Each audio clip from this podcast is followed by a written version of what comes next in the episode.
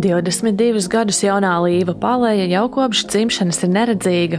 Līva aizraujas ar mūziku, jau vairāk nekā 6 gadus nopietni spēlē saksofonu. Runājot par mūzikas pieejamību, vēl daudz mājas darbu ir jāizdara, saka jauniete. Svarīgas ir braila nošu tulkotāju programmas.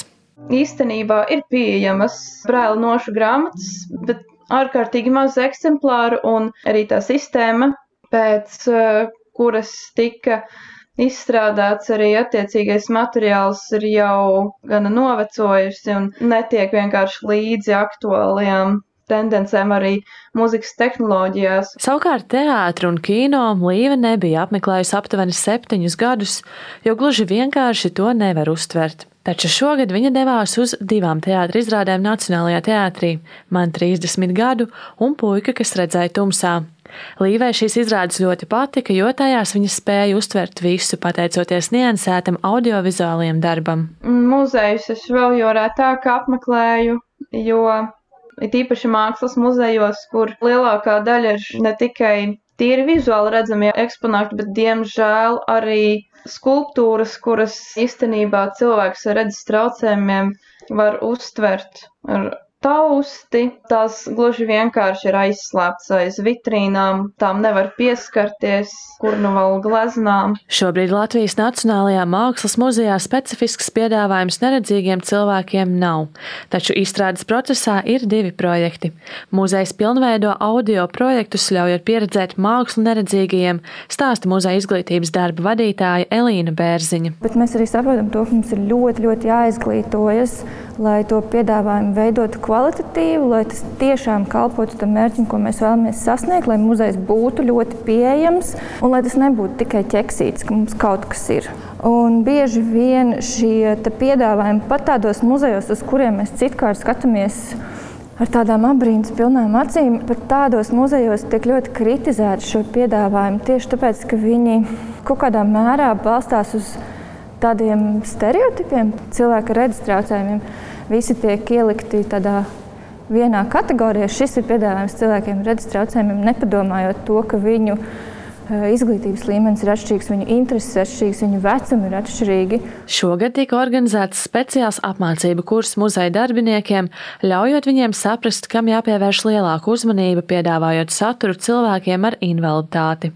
Latvijas muzeja biedrības vadītāja Zana Grīnvalda atklāja, ka muzeja darbinieki sapratuši, ka vairāk jāsadarbojas ar nedzirdīgo un neredzīgo biedrībām, kas vislabāk apzinās šo cilvēku vajadzības. Es varētu teikt, ka pieejamība satura ziņā cilvēkiem ar īpašām vajadzībām noteikti ir kādi 70%. Ja mēs runājam par to satura pieejamību tieši ekspozīcijās, tas viss ir saistīts ar finansiāliem apsvērumiem.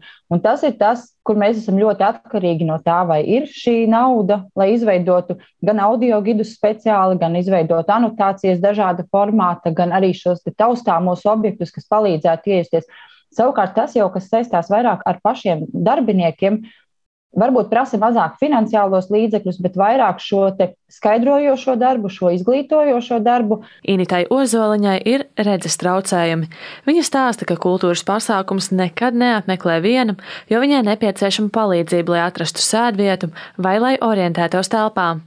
Bet priekšmetus viņa redz, tos aptaustot. Parasti saka, muzejos neaiztikt ar rokām, tad ļoti gribas aiztikt ar rokām. Tad es viņu būtu redzējusi. Un patiktu arī, jā, ja būtu kaut kādi audio gidi, audio norādes. Fonds nāca līdzās ik gadu izdot kompaktdisku, kurā var klausīties teikus un stāstus, un tos dāvā neredzīgo bibliotēkām. Nāca līdzās vadītājs Arma Freiberga piebilst, ka vajadzētu vēl plašāk izmantot subtitrus, sevišķi teātris izrādēs, jo tām nodrošina subtitrus tikai speciālos gadījumos. Cilvēkam ir jābūt tādai brīvībai apmeklēt, kad es gribu, nevis tad, kad man jāiet ar grupu kopā. Bet, ja mēs neskatītos uz valodu lietām, itāļu, krievu vai vēl kādā svešvalodā, tad subtitriem būtu jābūt arī tad, ja aktieri runā latviešu valodā. Protams, ka nevar nodrošināt uzreiz hop un 100% viss ir viss, bet kaut ko soli pa solim sākt. Un ir daudz tādas lietiņas, kur no tāda mazumiņa tu sāc jau, un cilvēki ļoti novērtē, kaut vai nedaudz ir padomāts. Rīgas porcelāna muzeja projekta vadītāja Māja Ņikitina stāsta, ka muzejs spēris pirmos soļus iekļaujošu saturu nodrošināšanā, jau kopš 2013. gada piedāvājot piedalīties porcelāna gatavošanas meistarklasēs cilvēkiem ar invaliditāti. To visu var taustīt, smaržot sajust ar visām maņām. Cik daudz cilvēku tomēr vēlas piedalīties nodarbībās, kam ir varbūt redzes traucējumi? Oh, diemžēl dažādu iemeslu dēļ mums nav uh, tik daudz apmeklētāju, dalībnieku, kā mēs vēlētos. Tāpēc mēs nākamgad strādāsim pie tā.